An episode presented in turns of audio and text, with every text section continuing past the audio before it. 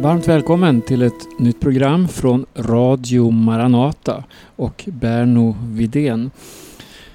I ett tidigare program så inledde jag en studie om tabernaklet, eller det vi kallar för Guds boning, som vi kan läsa om i Gamla Testamentet och som också refereras till i Nya Testamentet. En väldigt viktig plats ett skeende med många eh, rika detaljer som på olika sätt då speglar frälsningens budskap. Evangeliet om försoning, om upprättelse, om helighet, om rättfärdighet och så vidare. Och jag ska fortsätta att eh, eh, tala lite om tabernaklet också i det här programmet ska, jag ska inleda igen med att eh, citera en vers som vi läste i det förra programmet. Det är från Uppenbarelseboken 21 och vi läser där den tredje versen. Och jag hörde en stark röst från tronen säga Se, nu står Guds tabernakel bland människorna och han skall bo hos dem och det skall vara hans folk och Gud själv skall vara hos dem. Här talas det om Guds tabernakel bland människorna. Och det är precis det den här berättelsen handlar om. Gud ville bo bland sitt folk. Ehm, den här versen är ju hämtad då från Bibelns näst sista kapitel. Och vi skulle direkt kunna referera till Bibelns två första kapitel, för där möter vi samma eh, gemenskap, nämligen då Gud skapade människan till sin avbild och det fanns en gemenskap där som inte var störd på något sätt, som inte var bruten på grund av synd, ondska eller annat elände. Guds tabernakel, alltså Guds boning bland människorna. Om vi tänker oss nu Israel det folk som Gud valde ut på ett speciellt sätt genom Abraham som är dess stamfader. Eh, Abraham, Isak, Jakob. Jakob fick ju tolv söner. Och Jakob och hans familj hamnade så småningom i Egypten. Det står om eh, hur de kom dit. Det var hungersnöd. Och Egypten blev deras räddning. De var cirka 70 personer som, som eh, åkte från Kanan till Egypten för att bosätta sig där. Sen blev Jakob, eller Israel då, kvar i Egypten. Och den här familjen växte och blev till en folkrik nation. Alltså ett folk med miljoner Eh, medborgare. De var i Egypten men de hade bevarat ändå sin identitet som just Israels barn, eller Jakobs barn. Efter eh, en svår tid och efter att Gud på olika sätt hade bevisat sin makt över farao så blev det här folket befriat från slaveriet.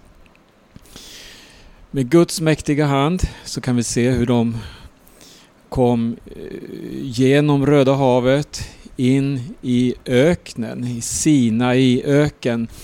Och där började Gud att på ett speciellt sätt förbereda det här folket på vad som skulle komma.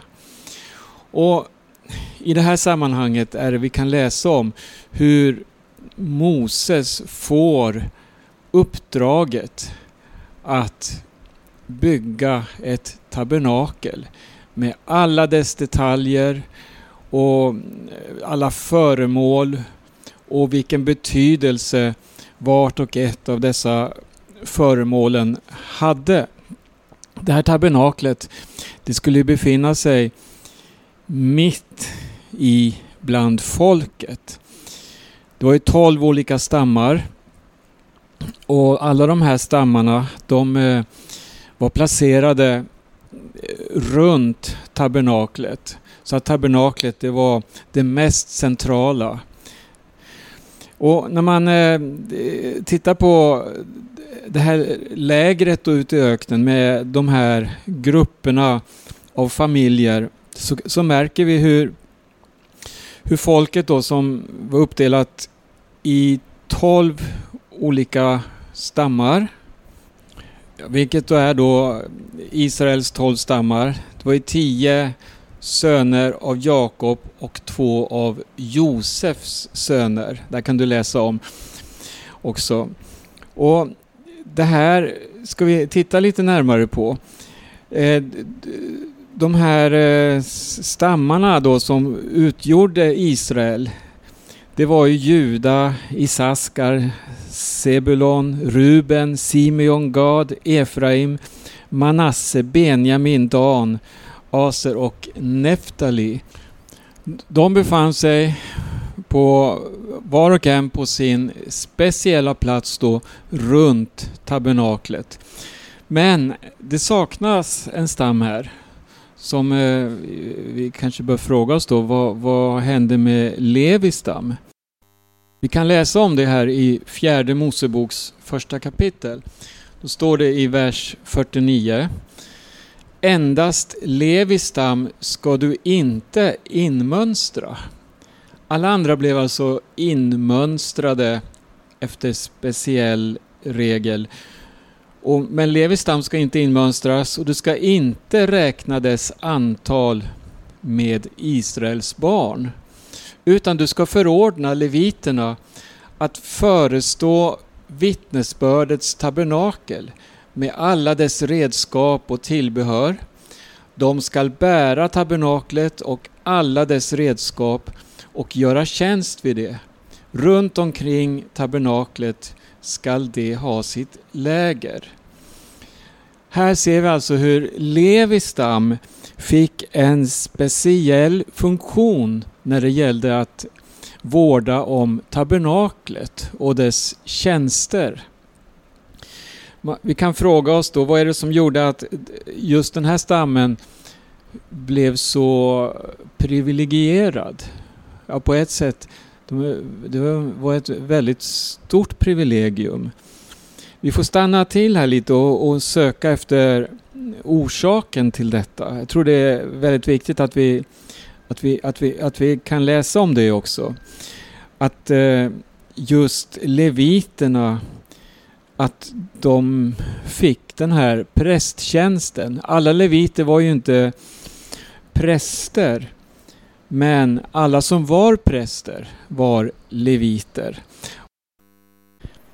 Levi var ju en av Jakobs söner. Och Levi, han hade tre söner som är nämnda på ett speciellt sätt då. Det var Gerson, Kehat och Merarit. Och de här tre sönerna var alla ledare då för eh, olika klaner eller familjer eh, som bland just leviterna. Ehm, det står så här i Andra Mosebok kapitel 13 om just det som har med prästerskapet att göra. Vi, vi kan läsa från vers 11. Eh, när Herren låter dig komma in och ger dig kananéernas land som han med ed har lovat dig och dina fäder. Då skall du överlämna till Herren allt som öppnar moderlivet. Allt förstfött bland din boskap som är av hankön ska tillhöra Herren. Det förstfödda skulle alltså eh, på ett speciellt sätt tillhöra Herren. Men här ser vi hur de förstfödda i alla stammar då istället blir ersatta av leviterna. Och vi kan läsa här, i, vi går tillbaka till fjärde Moseboks tredje kapitel. Och vi läser från vers 12 eller 11. Herren sade till Mose Se, jag har själv bland Israels barn tagit ut leviterna istället för alla förstfödda bland Israels barn, alla som öppnar moderlivet. Leviterna ska tillhöra mig. Och orsaken till det här, det kan vi också läsa om. Det var eh, leviterna, de, eh, de agerade väldigt spontant på ett sätt men med en övertygelse i en speciellt given situation som förvandlade eller förändrade deras ställning för alltid faktiskt. Och den händelse som Bibeln eh, beskriver då, som ledde till det här, den kan vi läsa om i Andra Mosebok 32. Då var Mose uppe på berget för att ta emot stentavlorna, eller buden. Han var där och fick beskrivningen av tabernaklet. Han var där i Guds närvaro för att bli förberedd och att sen leda folket framåt utifrån den plan och den tanke som Gud hade med folket. Men under tiden som Mose var där så eh, började folket att eh, göra revolt. Man eh, vände sig till Aron och bad om att få en, en annan gud. Och Aron av skadeglädje står det, gjorde då en bildstod av guld. Och det här tillbad folket sen. Man stod upp för att leka och tillbad den här, eller guldkalven. Och när Mose kom ner från berget och fick se hur lössläppt folket var och vilket stort avfall man hade gjort så, ledde, så blev det då en uppgörelse. En grundlig uppgörelse mot avfallet, mot den synd som man hade låtit få övertaget i hela lägret. Och då står det så här i kapitel 32, då vi läser från vers 26. Mose ställde sig i porten till lägret och ropade Var och en som tillhör Herren skall komma hit till mig. Då samlades alla leviterna kring honom. Alla leviterna kom direkt och ställde sig vid Moses sida. Och leviterna tog ställning mot avfallet och var genast redo att göra upp med denna ondska och detta avfall då som hade kommit in i lägret.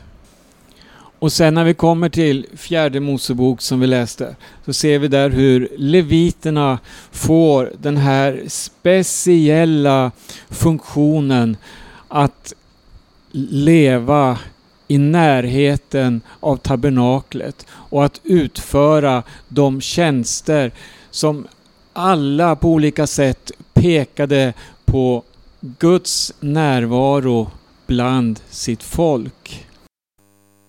Vi går till texten här i fjärde Mosebok igen då, kapitel 3. Här nämns leviterna speciellt att de ska utses just för den här tjänsten. Och så kan vi se hur de olika familjerna, Meraris barn, eh, Gersons barn och så Ke Kehats barn, de hade var och en speciella uppgifter. Och det här tydliggörs mera om vi hoppar vidare till fjärde kapitlet. står det först om kehatiternas tjänstgöring. Herren talade till Mose och Arin och, och uppdraget var då att räkna antalet av Kehats söner bland leviterna. Och de som var arbetsföra och som kan göra tjänst vid uppenbarelsetältet. Och kehatiterna, förlåt, de skulle ha vid uppenbarelsetältet att ta vård om de högheliga föremålen. När lägret bryter upp skall Aron och hans söner gå in och ta ner den förlåt som hänger framför arken och med dem skall de övertäcka vittnesbördets ark. Över förlåten ska de lägga ett överdrag av Tahas skinn. Över det breda ut en vävnad, helt mörkblå. Sedan ska de sätta in stängerna.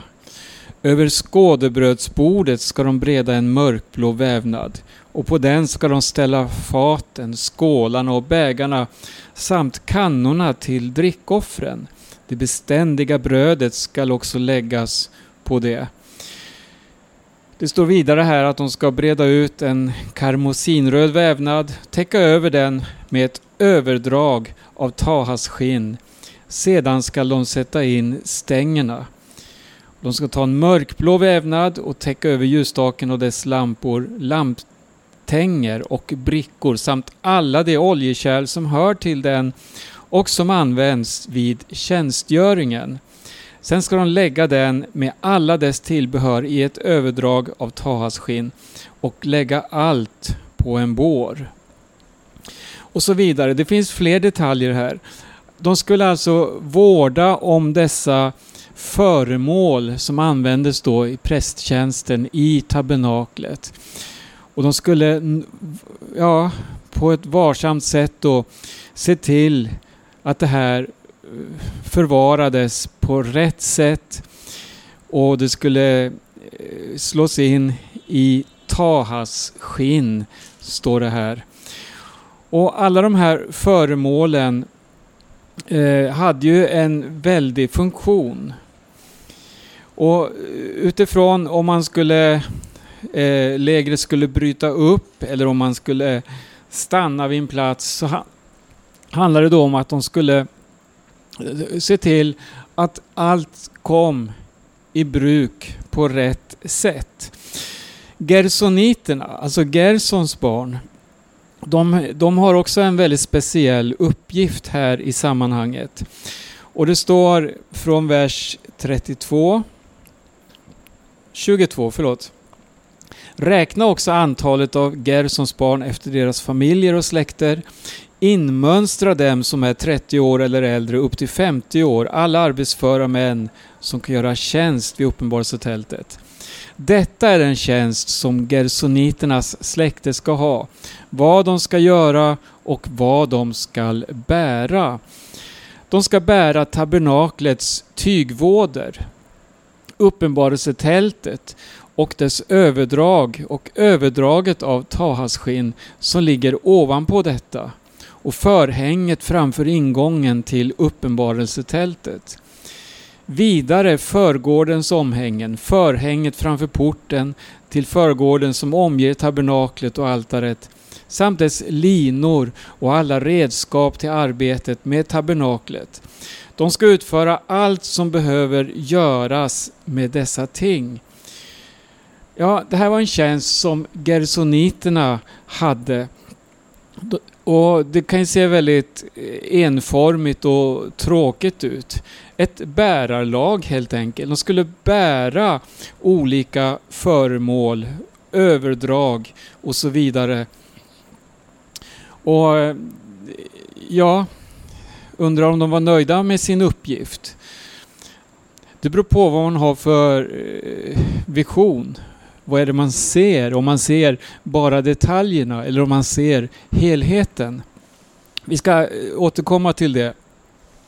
Vi tittar här på nästa familj. Det var ju Meraris barn. Merariterna. Och då står det från vers 29. Meraris barn skall du inmönstra efter deras släkter och familjer. Inmönstra dem som är 30 år eller äldre, upp till 50 år. Alla arbetsföra som ska tjänstgöra vid uppenbarelsetältet. Och detta är vad de har till uppgift att bära. Allt som hör till deras tjänstgöring vid uppenbarelsetältet, brädorna till tabernaklet, dess tvärstänger, stolpar, fotstycken, liksom stolparna till förgården runt omkring med deras fotstycken, pluggar och linor med alla deras tillbehör och allt som hör till arbetet vid det. Ni skall göra en lista över de föremål var och en har att bära. Ja, här har vi ett nytt bärarlag då. Någon skulle bära stolpar, någon skulle bära linor, någon skulle bära eh, brädorna till tabernaklet. Någon skulle bära tvärstänger och någon fotstycken. Olika uppgifter. Och jag måste ställa den här frågan här också. Den uppgift som då eh, merariterna hade här. Tror ni att de var nöjda med det? Ja, återigen. Jag tror det beror på vad det är för en eh, syn man har, vilken vision man har. Och om man har förmågan att se helheten i det hela. Om var och en av de här bara skulle se sitt eget, sin egen lilla uppgift, det man gjorde, utan att sätta in det i sammanhanget. Ja, det är klart, då skulle det kännas meningslöst. Varför ska jag gå omkring här i öknen och bära på en planka? Vad är det för mening? Vad finns det för framtid med det? Men nu var det ju så att allt det här är en uppenbarelse från Gud som överlämnades till folket. Och det är inte vilken uppenbarelse som helst, utan det är en uppenbarelse som eh, vittnar om Guds frälsningsplan för människan. Den vittnar om hur Gud vill bo ibland sitt folk. Och då är det så viktigt att, eller varje, varje person, varje människa som är med i det här arbetet utgör en viktig del i att Guds uppenbarelsen ska kunna finnas mitt bland folket. Saknas en bräda, saknas en stolpe, saknas linor, saknas en del föremål, ja då blir ju hela bilden eh, halv, haltande. Och det förlorar något av sin eh, helighet, någonting av, av det här geometriska, det här eh, harmoniska, när allt är på sin plats. Men eh, nu ser vi här hur var och en av dessa eh, barn då, eller dessa eh, medlemmar i familjerna, de utvalda leviternas familjer, de, de hade var och en den här eh, funktionen och så visste de och det här, det här manifesterade sig på så ett oerhört sätt när allting var i funktion, när alla var på sin plats. Det står så underbart eh, om hur när, när temp, eller förlåt, tabernaklet sedan invigdes, invigdes, hur Guds härlighet sänkte sig över tabernaklet. Mitt ibland folket. Och här fick leviterna då ha en speciell tjänst. Inte bara en eller två, inte bara prästerna, utan hela bärarlaget, alla olika uppgifter, alla olika gåvor som hade getts till de som var med. Det var med och byggde upp hela folket. Jag vill ta en parallell till det här ifrån eh, första Korintierbrevet. Vi ska avsluta med det i det här avsnittet.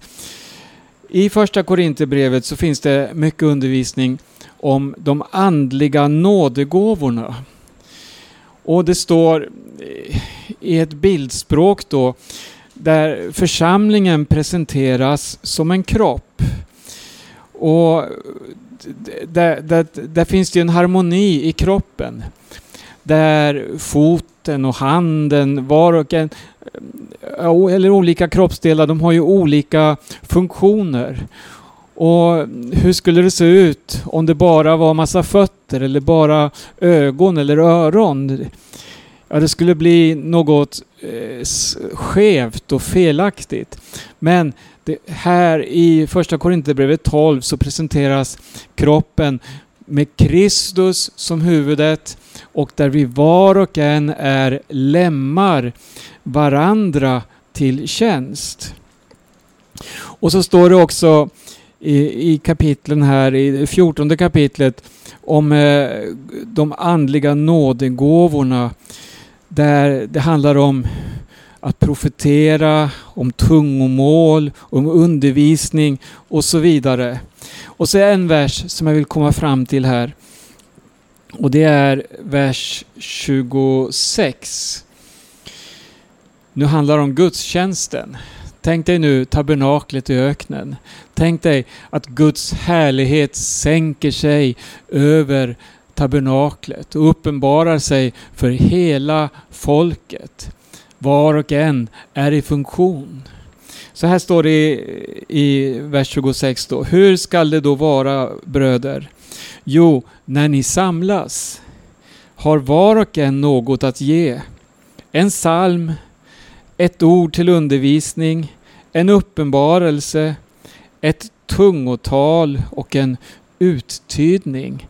Ser du här olika funktioner eller olika nådegåvor. Ingen utelämnas. Det är inte några speciella eh, utbildade pastorer eller evangelister som här ska eh, stå och medla eller agera mellan Gud och människa. Nej, det står var och en. Och det här är så oerhört viktigt. I församlingen så behöver var och en komma i funktion. Var och en få eh, komma in i den tjänst som Gud har kallat till. Och så avslutas versen så här. Låt allt bli till uppbyggelse. Den här versen den har talat till mig väldigt många gånger. Jag har använt den också i, i många olika sammanhang för att den, den, den visar så tydligt på att Gud behöver dig. Gud är beroende av dig. Och inte bara Gud, utan församlingen och syskonen, dina medtjänare, är beroende av dig. Din tjänst, ditt vittnesbörd, din tillbedjan. Allt det här som på olika sätt är med och upphöjer Herren Jesus Kristus. Det är också något som eh, är med och bygger upp församlingen. För det står så, låt allt bli till uppbyggelse. Jag ska avsluta med ytterligare en vers faktiskt. Och det vi ska ta med, det är som ett eh, parallell eh, avsnitt till det här vi nyss har läst. Och vi läser i Kolosserbrevet 3 och vers eh, 16. Låt Kristi ord rikligt bo hos er med all sin vishet. Undervisa och förmana varandra med salmer, hymner och andliga sånger och sjung med tacksamhet Guds lov i era hjärtan. Och allt vad ni gör i ord eller handling, gör det i Herren Jesu namn och tacka Gud, Fadern, genom honom. Ja, du som lyssnar, du som är en Herren Jesus tjänare. Ja, ta till dig det här. Herren behöver dig. Församlingen behöver dig. Syskon behöver dig. Var två eller tre är församlade i hans namn, ja, där är han mitt ibland oss. Jag önskar dig Guds välsignelse och det här har varit del två i en serie om Guds boning eller tabernaklet. Jag heter Berno Vidén på återhörande. Då förut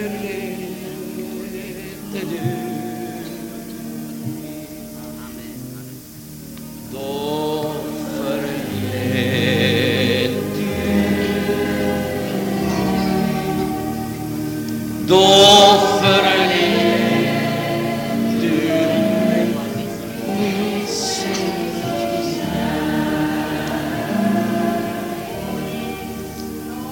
Min synd